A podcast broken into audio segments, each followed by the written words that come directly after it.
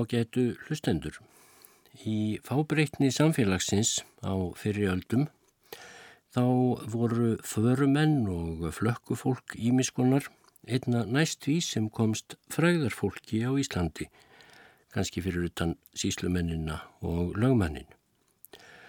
Og það er viss passi að þegar Íslandingar á 19. og framan af 20. öld fóru að skrifa æskuminningar sínar þá er næstum óhjákvæmilegt að þeir helguðu sérstakann kabla förufólkinu. Og ég rakst um daginn á einn slíkan kabla sem byrtist í vestur íslenska blæðinu Lögbergi upp úr 1940 en þar heldum penna Guðmundur Jónsson frá Húsei. Ég ætla að glukka í þennan kabla Guðmundar um förumennina sem hann kynntist á sínum æsku árum í þessum þætti. En af Guðmundi er það að segja að hann fættist á hlýðarhúsum í Jökulsár hlýð árið 1862 og var í allar ættir kominn af austfyrðingum og foreldrar hans voru óskup venjulegir bændur og sjálfur gerðist Guðmundur bóndi í Húsei í Hjeraðsflóa árið 1888 sama ár og hann gekkaði eiga Jónínu Björnsdóttur sem var kona hans alla æfi síðan. Þau eignuðust átta börn og eh, eftir að þau höfðu búið í húsi í 13 ár þá fór svo að Guðmundur og Jónína höfðu mist allar eigur sínar þrátturir að vera ágætir bændur og þá ákvaðu þau að flytja til nýja heimsins árið 1903. Þegar Guðmundur kom til Kanada var hann alveg eigna laus. Hann saði frá því sjálfur setna að hann hefði átt 50 cent í vasanum og annað ekki. En þau hjón og börnin þeirra settu stað í Geysi í Áltavassbyggð sem svo heitir í Kanada en byggu setna þar sem heitir Rapid Point. Og árið 1908 fluttist svo fjölskyldan til Siglunes distrikt og eh, þar bjó Guðmundur til æfiloka 1950 en Jónína konan hans hafði dáið 15 árum fyrr. Og þau höfðu eignast tvö börn í Kanada og áttu því alls tíu börn. Drátturir mikla fátækt á fyrstu árunum í Kanada þá hafði Guðmundur þó tíma til að festa ímislegt á blað og eh, eftir að hafa komið þokkalega undir sig fótunum þá held hann áfram skriftum og skrifaði ímislegt um eh, æsku sína bæði á Íslandi og fyrstu árin í Kanada. Og ég ætla sem sagt í þessum þætti að glukka í endurminningar hans um förumennina á Íslandi. Það voru margar tegundir af förumönnum á ferðinni á þeim árum þegar ég ólst upp. Beiningamenn langt aðkomnir hafðu verið tíðir gestir á fljótstalsheraði fram um miðja 19. höld. En þegar ég mann fyrst eftir mér um 1870 þá voru þeir að mestu hortnir. Ég heyrði oft talað um þann gestagang og þótti hann öllum óskemtilegur. Þetta munu hafa verið eftirstöðvar af móðuharðindunum. Því flestir höfðu þessir menn verið langt að komnir. Þeim mun hafa þótt vissara að það fréttist ekki nákvæmlega af högum þeirra, því margir þeirra reyndust ekki vera sannir þurfamenn. Samgöngur voru strjálar á þeim árum, millir landsfjörðunga, svo þessir menn voru því nær þeir einu sem báru fréttir og jók það fremur vinsaldir þeirra ef þeir sögðu skemmtilega frá. Þessir menn voru ætið ríðandi og hafðu lausan hest til að flytja á gjafirnar sem þeir fengu á bæjum, oftast munu það hafi verið matvara og fatnaður en sjaldan peningar. Fadur minn saði oft frá þessu mönnum Það er á meðal einum sem Sigurður hétt og var kallaður Sigurður Silkiblaðka. var það viðurnefni dreyið af höfuðbúnaði hans. Hann kom austur á hérað á hverju vori þegar gróður var sprottin og varð honum gott til fanga. Hann hafði borið sig mjög ömlega og sagst eiga hilsulösa konu og fjölda barna í ómegð. Þó fór vist marga gruna margt um hag hans því einlegt voru börnin jafn ung þótt árin liðu. En svo fréttist það úr átthögum Sigurðar Silkiblöðku að hann væri kildur bóndi og jarðeigandi söður í sveitum. Honu var því illa tekið þegar hann kom næst og eftir það kom hann aldrei. Þessi tegund förumanna hafði verið landplága framundir mína daga en var þá að hverfa. Síslumenn gengur líka hart eftir að vinnu hjúa lögunum frá 1862 væri hlýtt en eftir þeim lögum var öll óþörf umferð og betl stránglega bannað. Það var önnur tegund af umferð sem lengur helst við. Það voru kallaðar húsgöngur. Það voru menn sem ekki nendu að vinna og heldu sér upp í ferðalagi. Ég þekkti nokkra menn slíka en fleiri kvennmenn en karlmenn. Anna Erlendstóttir var þeirra frægust. Hún gekk um, sem kallað var, frá því ég mann fyrst eftir mér þar til um aldamótin eða um 30 ár. Anna var ungleg í sjón og helt sér vel, stór og þregleg og alls ekki ólagleg í andliti. Ekki man ég eftir að ég heyrði sérstaka orsök til þessarar einþykni hennar, en eflaust hefur það verið ólaga á uppeldinu. Því ekki varð annað séð en þetta væri rótgróið þrálindi sem ollið því að hún gekk sífælt um sem kallað var. Ekki bað hún menn að gefa sér, en þegar hún kom á bæ, gekk hún inn óbóðinn og bað annarkort húsbændanna að lofa sér að dvelja eina eða tvær nættur. Helst vildi Anna sitja auðum höndum og skrafa, en þó bauðst hún til að gera eitthvað einstakasinnum og vann þá vel, því Anna var bæði lagvirk og dugleg þegar hún vildi vinna en það var ekki til neins að byggja hann að vinna og því síður að hafa í hótunum við hana. Hún var jafnlind og svaraði fáu, þótt hreitt væri aðinni ónótum, en fór þá burt ef henni þótti sér misbóðið. Anna var þrifin og ættið þokkalega til fara. Mun henni hafa orðið gott til fata þegar hún vann hjá húsfreyjum. En aldrei var það lengur en fá að daga í einu. Oft var önnu stemt á manntalsþing og skipaði síslumadur henni þá í ákveðnar vistir og hótaði hörðu ef út af bæri og hún legðist aftur í flakk. Anna var þá flutt nöyðu í vistirnar en aldrei var hún þar nefn að fá eina daga.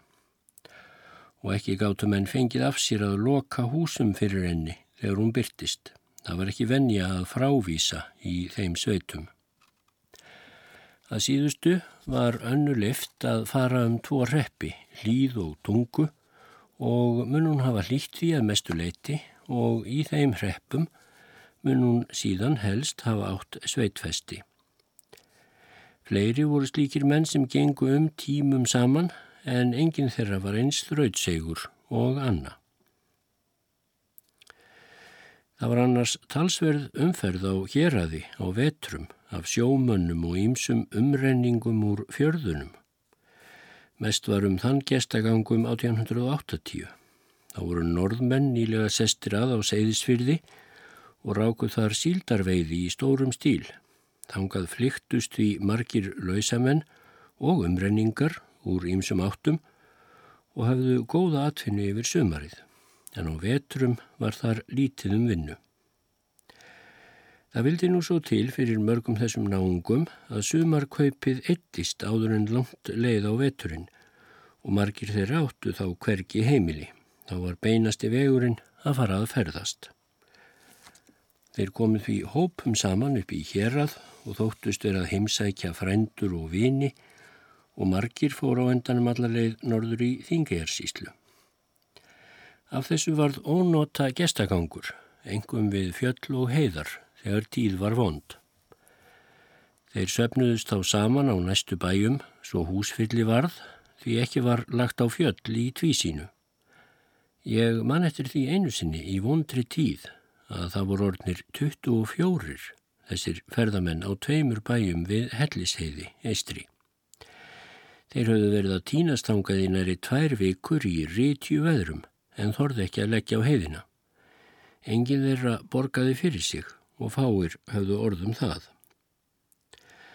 Að síðustu sendi Jón Sigurdsson bóndi vinnumann sinn til að fylgja þeim yfir fjallið. Um þetta var mér vel kunnugt. Því annað heimilið var í bakkagerði í Jökulsárlíð en hitt var ketilstaður. Þar bjöku þá Jónar þrýr, fadur minn og bróðir, en náfrændi okkar var Jón Sigursson á ketilstöðum. Oft var afar gestkvæmt á þessum bæjum, af þessum ferðamönnum, fyrir utan aðra ferðamenn, en þessa vissi ég óþægilegasta heimsókn. Þessu fargani létti þá af eftir fáein ár því norðmenn fóru þá að flytja sér nóg lið til sumarvinnu og þá dreifðist þessi lausamanna hópur. Það var óvíða seldur greiði á héradi á þessum árum en þó fór svo að þeir sem við heiðarbyggu neittust til að auglýsa greiða sölu svo ekki gingju allir að því vísu að þar ætti alltaf vera ókeipis. En þótt greiðasala væri auglýst þá hafðu það lítið að segja. Flestir þessara umrenninga gáttu ekki eða vildi ekki borga og þegar tilkom nendu bændur sjálfnast að vera að rekast í því. Og sagt var að þeir byðu helst borgun sem en vildu helst ekki taka borgun hjá. Í sambandi við þetta datt mér í hug einn ferðamadur sem mikið var talað um á þessum árum. Hann kom allaveg frá Ameríku að haustlægi, hafi verið þar nokkur ár og það orðuleika á að hann hefði mikið af peningum en það reyndist að svo að hann var víst vel efnaður. Hann let mikið yfir sér, fór hægt yfir og sagði frá ferðum sínum og öllu í Ameríku og þóttist verið að líti eftir jarðunæði hér á Íslandi. Sumstaðar bauðan borgun þar sem hann gisti en þá tók hann oftast upp 50 krónu gullpenning og hvaðst ekki hafa hann eitt smerra. Auðvitað hafðu fáir bændur á Íslandi svo mikið heima af peningum um hávetur að þeir getu skipt þessum stóra peningi, svo það var það býða þar til hann kemi næst. En þó heyrði ég að Karli hefði orðið hált á þessu að endingu. Einn áungin sem hafi frétt af þessu bjóð sig undir komu hans með því að útvega sér nóa silfurpenninga og talsvert af kopar. Hann tók því til sín gullpenningin en fekk karlinum sjóð mikinn og baðan að telja. Gestinum þóttu víst súrt í broti en gæti ekki að gert. Ekki mun hann hafa bóðið gullpenning fyrir nættur greiða eftir það. Þá voru tveir menn heima á þessum árum sem máttu teljast förumenn en þó nokkuð á annan hátt en þeir sem áður getið.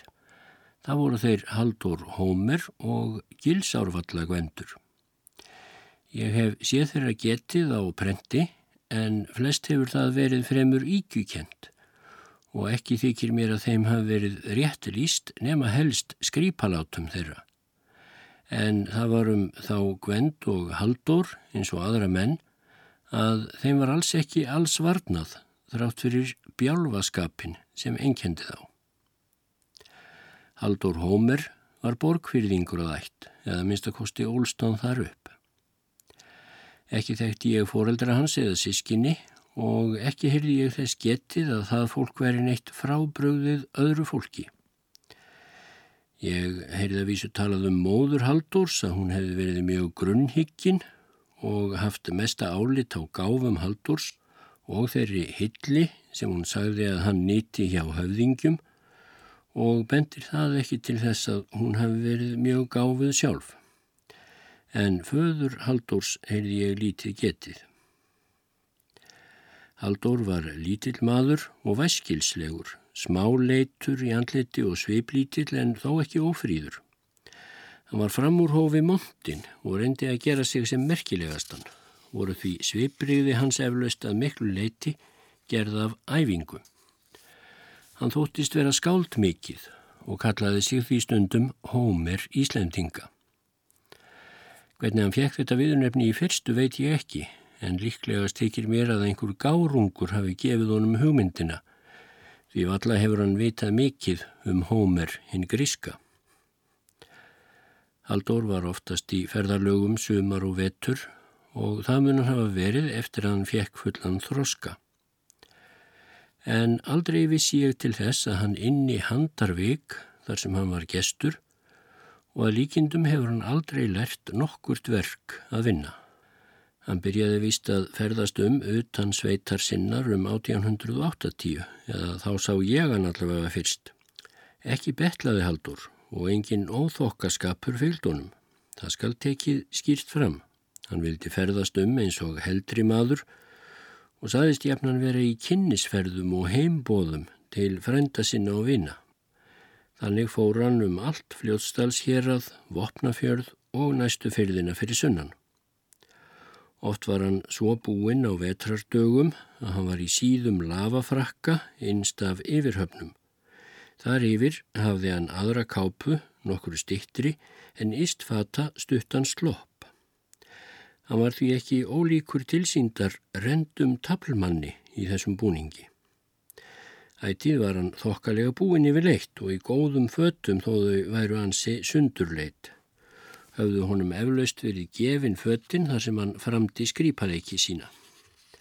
Hann saðist hafa verið fættur í þennan heim til að verða prestur og var fús til að fremja prestsverk því að til þess þyrti sérstaka gáfu en engan lærdom. Hann var því ætið reyðubúin að fremja aukaverk sem prestur og eins að halda ræður.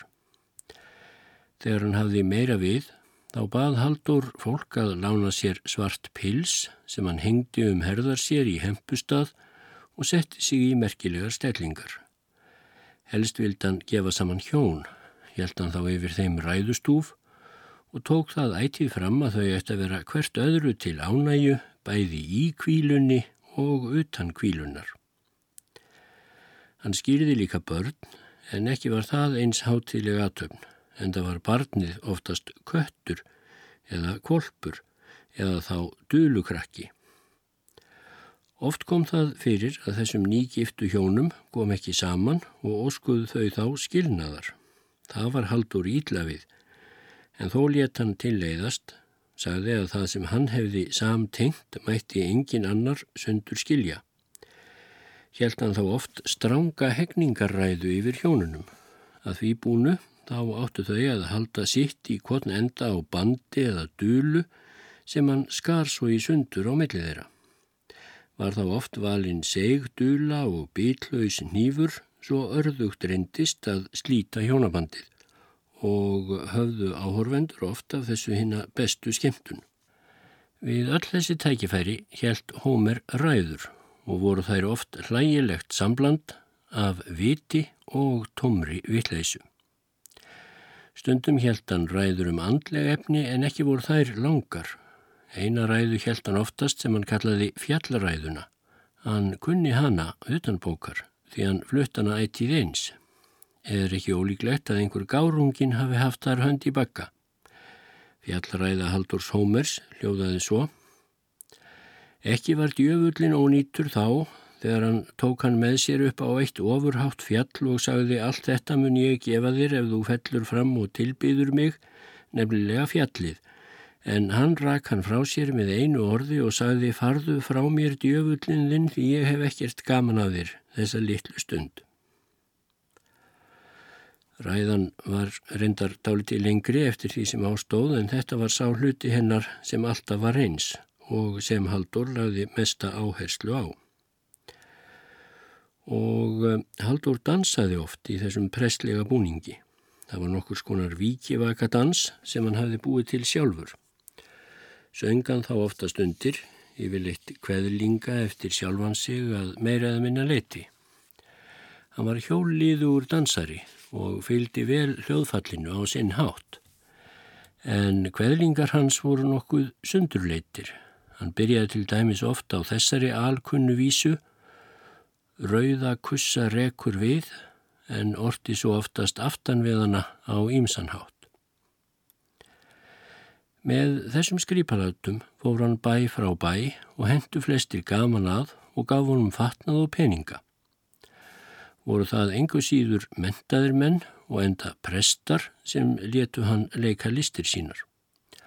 Þó mun Haldóri hafa græðist mest fjö á þessum aðförum í kaupstöðunum og svo þar sem ungt fólk var saman komið. Hann satum að vera í brúköpsveislum eða þar sem einhver samkoma var því að þar var mest spilað með hann. Á þennan hátt ferðaðist hann um mestan hluta af báðum múlasíslum. En hann var lengi á leiðinni og kom því hæfilega ofta á sömu stöðvar og því var hann ekki ídla liðin eða þótti of uppáþringjandi. Þar sem honum var lítið sint kom hann ekki aftur en valdi fremur fjölmennari heimilinn. Ekki var hann ílmáll eða hlutsamur um aðra menn og skilríkin var hann ef hann var beðin um bref eða orðsendingu. Aldrei vissi ég til þess að Haldur væri kærður fyrir flakk Ég hygg að mönnum hafi þótt réttast að lofunum að hafa ofana fyrir sér á þennan hátt því ekki var talið hægt að fá hann til að vinna. Annars hef ég einhver staðar séð Haldóri líst svo að hann hafi verið vel vinnufær þegar hann vildi og enda verið orðalagður glímumadur. Ég heyrði hvorug sketið, enda leitt hann ekki þesslega út að hann hefði þreg til að vinna og því síður vilja. Móðir Haldurs hafði haft sérstakt eftirlæti á honum frá barnæsku og mun það hafa átt sinn þátt í að gera hann að veiðundri. Það var haft eftir henni að snemma hefði mátt sjá að Haldur var meira mannsefni en hinn börnin hennar. Dróðum það mest af því að fyrst þegar börnin fóru að leika sér úti þá áttuðu í stundum mold en það gerði Haldur aldrei en hann átvinsver skít en það var fyrrum álítið gæfumerki. Þó álíta víst flestir aðrir að Haldur hafi verið barnana heimskastur og sumt gamalt fólk trúði því að hann væri umskiptingur. Annar förumadur sem ég man vel eftir var Guðmundur frá Gilsárvöllum eða Gilsárvallagvendur sem hann var oftast kallaður. Ekki man ég nú að ættfæra hann, en svo mikið er víst að hann var af myndarlegu og góðu fólki kominn í aðra ættina og svo mikið er víst að hann taldi til frendsemi við séra Sigurð Gunnarsson á Valþjófstað sem síðar var prestur í Stikishólmi. En hinn ættin hans þótti öllu blendnari. Svo mikið er víst að ekki er líklegt að þeir Haldur Hómer og Gvendur hafi verið skildir því leitun myndi verða á ólíkari mönnum bæði í sjón og allri hátsemi. Það eina sem þeim var sameinlegt var að hvorugur þeirra tóldi í vist og voru þeir því ofta á flækingi til og frá um allt Östurland. Þó var verkarhingur Guðmundar þrengri því ekki vissi ég til að hann færi nema um fljótstalsherað og næstu fyrðina þar fyrir sunnan. Guðmundur var stór maður vexti, saman rekin og tröllslegur, bæði að vakstarlægi og andlitsfalli. Hann var hrottalegur og sóðalegur í allir framkomu. Oftast mun hann hafa haft heimili að nafninu til en sjaldan mun hann hafa verið þar til lengdar. Hann var mjög gefinn fyrir ferðarlög og var þá oft í sendiferðum fyrir Ímsa. Oft sótti hann feikna bakka í kaupstað fyrir héraðsmenn því Gvendur var rammur að afli. Og svo var hann skilvís að aldrei misfórst neitt hjá honum þótt hann hefði erindi og bref fyrir marga.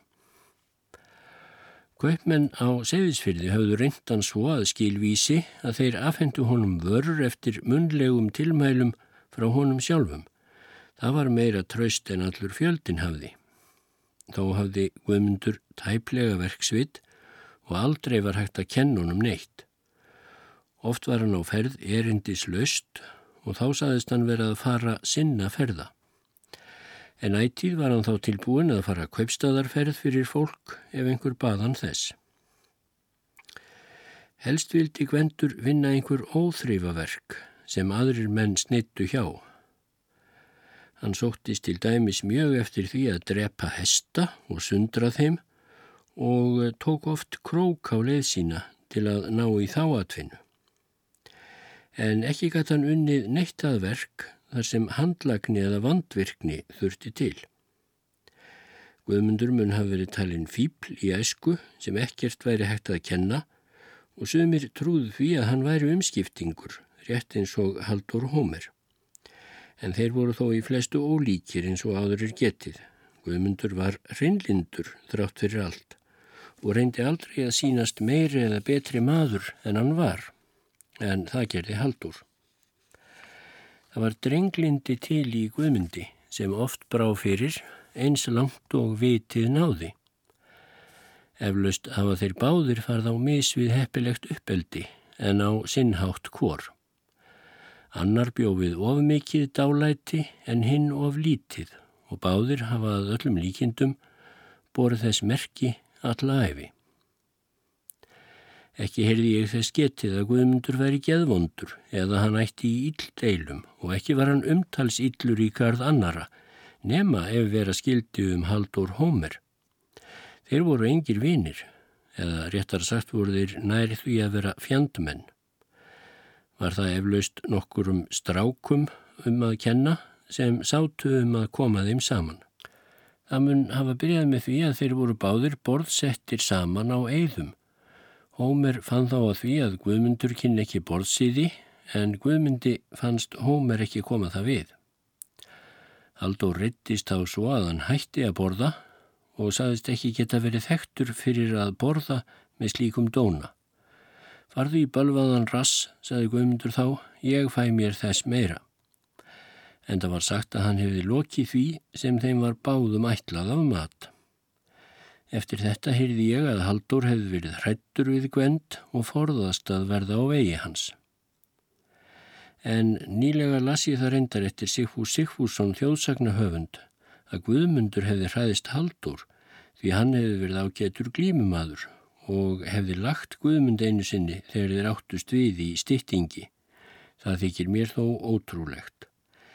Ég heyrði þess aldrei getið að Hómer hefði verið glímin og þótt svo hefði verið þá sá hver maður sem sáð á báða að Guðmundur hlaut að hafa þrefalt afl á móti haldóri og hefði því átt að geta krist úr honum vindin með hæg og móti.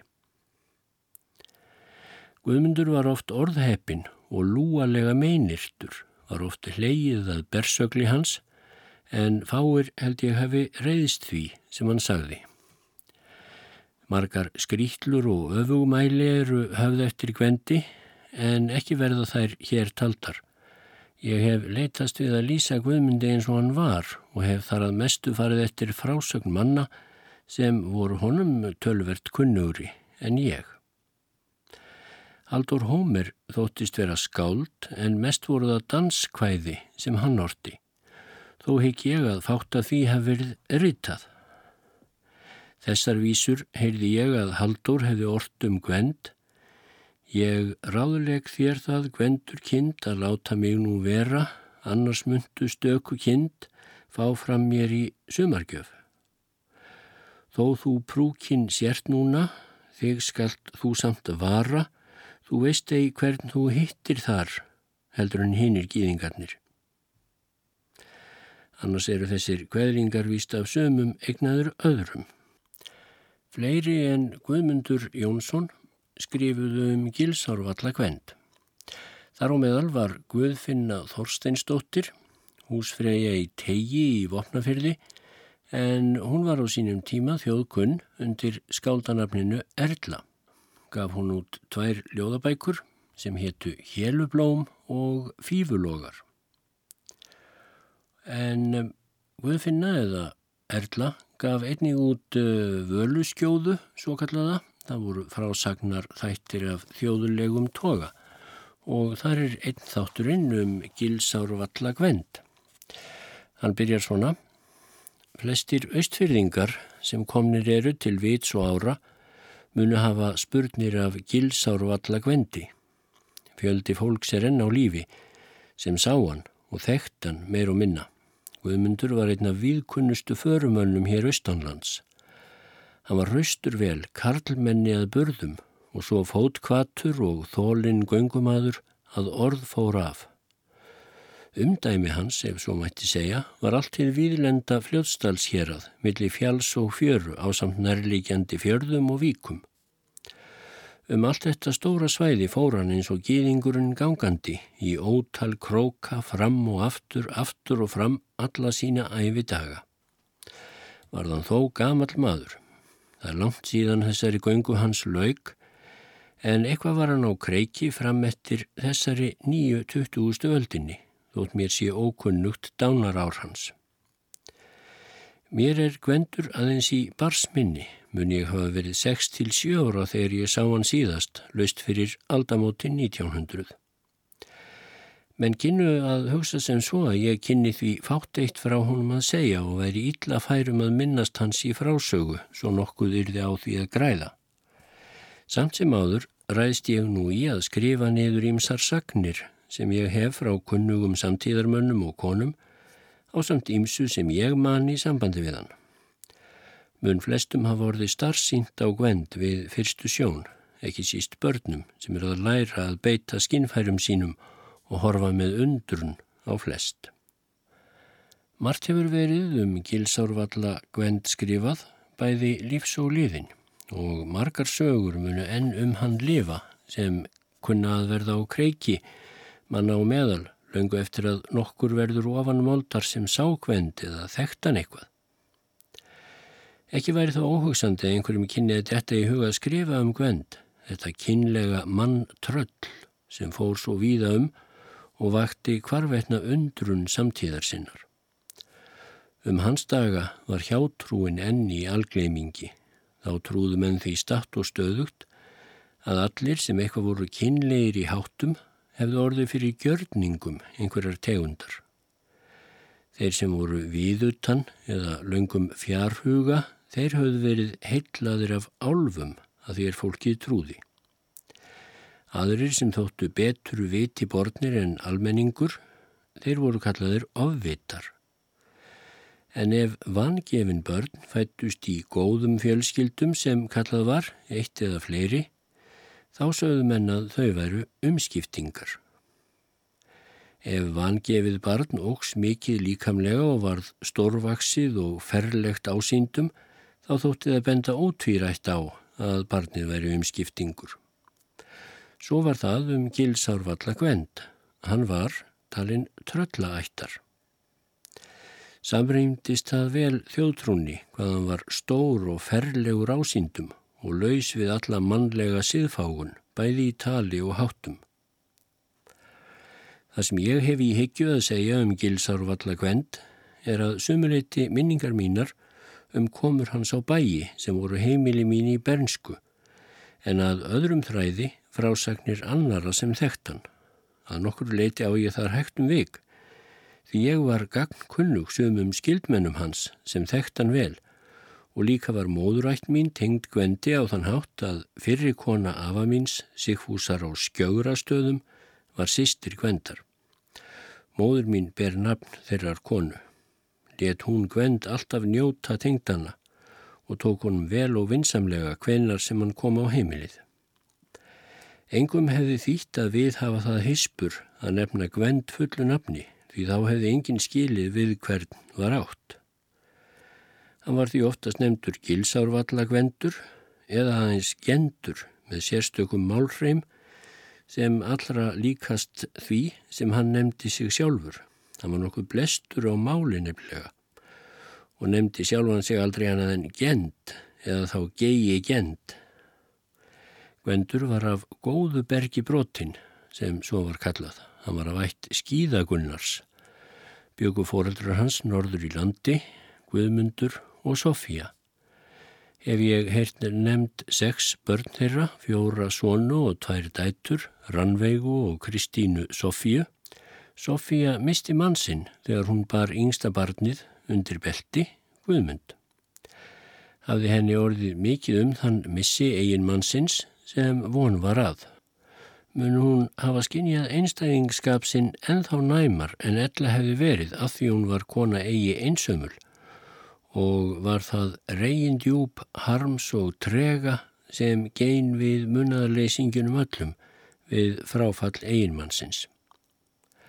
Töldu þeir sem best skildu kringumstæður hennar þá að þess hefði ófætti föðurleysingin goldið allt sitt líf.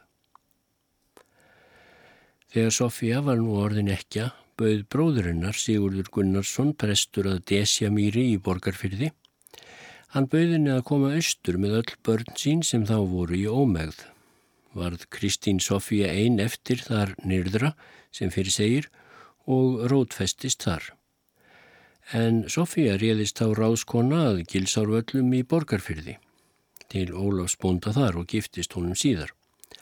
Dóttir þeirra var Guðni í klúku í Hjaltastæðaþinká.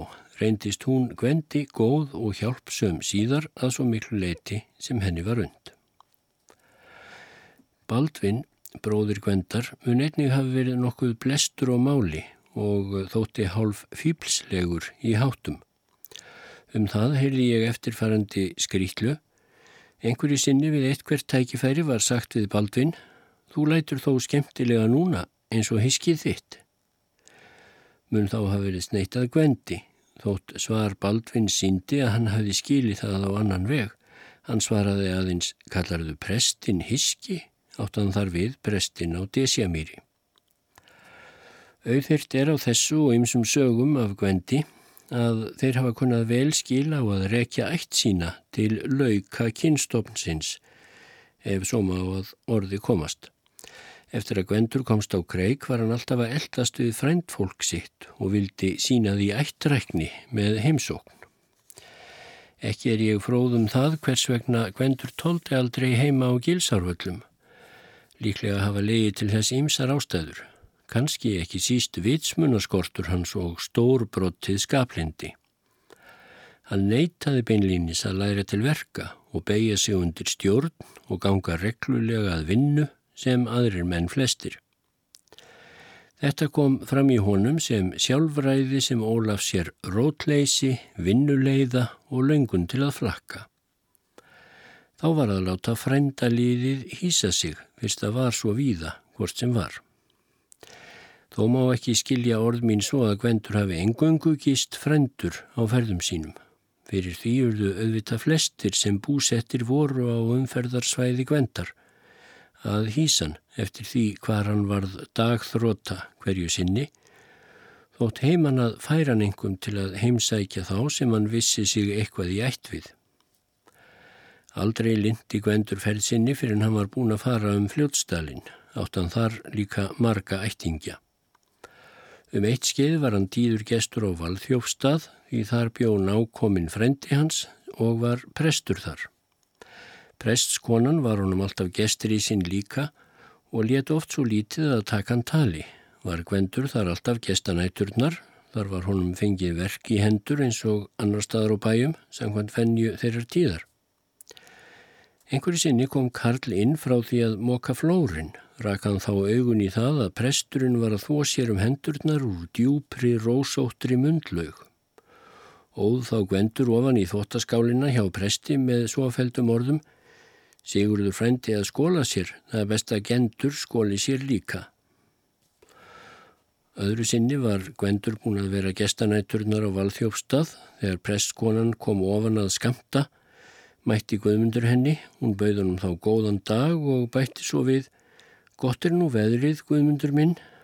Helt á Karl að hún væri að óta sér á stað, minnað sig á að liðnar væru gestanætturnar. Hann gengdi því engu að gott væri veður en svaraði aðeins Ég fer hverki fyrir en búið er að sóa. Því Gvendur fann baunaliktina ángaðum allt en baunir voru kjörréttur hans svo hann vildi síst af þeim missa. Saði þá frúin að hann myndi að sjálfsögðu býða eftir bönunum því hún hefði ekkert verið að ít honum á burt. Var það svo úr að Karl fór þegar hann var orðin mettur. Einu sinni fór frúin á valþjófstað með kvendi út í kirkju og sínd honum ímislegt skraut sem pritti kirkjuna og tilherði messugjörðinni. Bent hún þá á Marjumynd á vegnum og sagði Þessa mynd þekkir þú sjálfsagt, Guðmundur minn? Gvendur góndi upp á myndinu um stund en sagði svo með lítilsvirðingu í rómnum. Það getur vel verið. Ég hef séð svo marga frunsunanir á seyðisfyrði.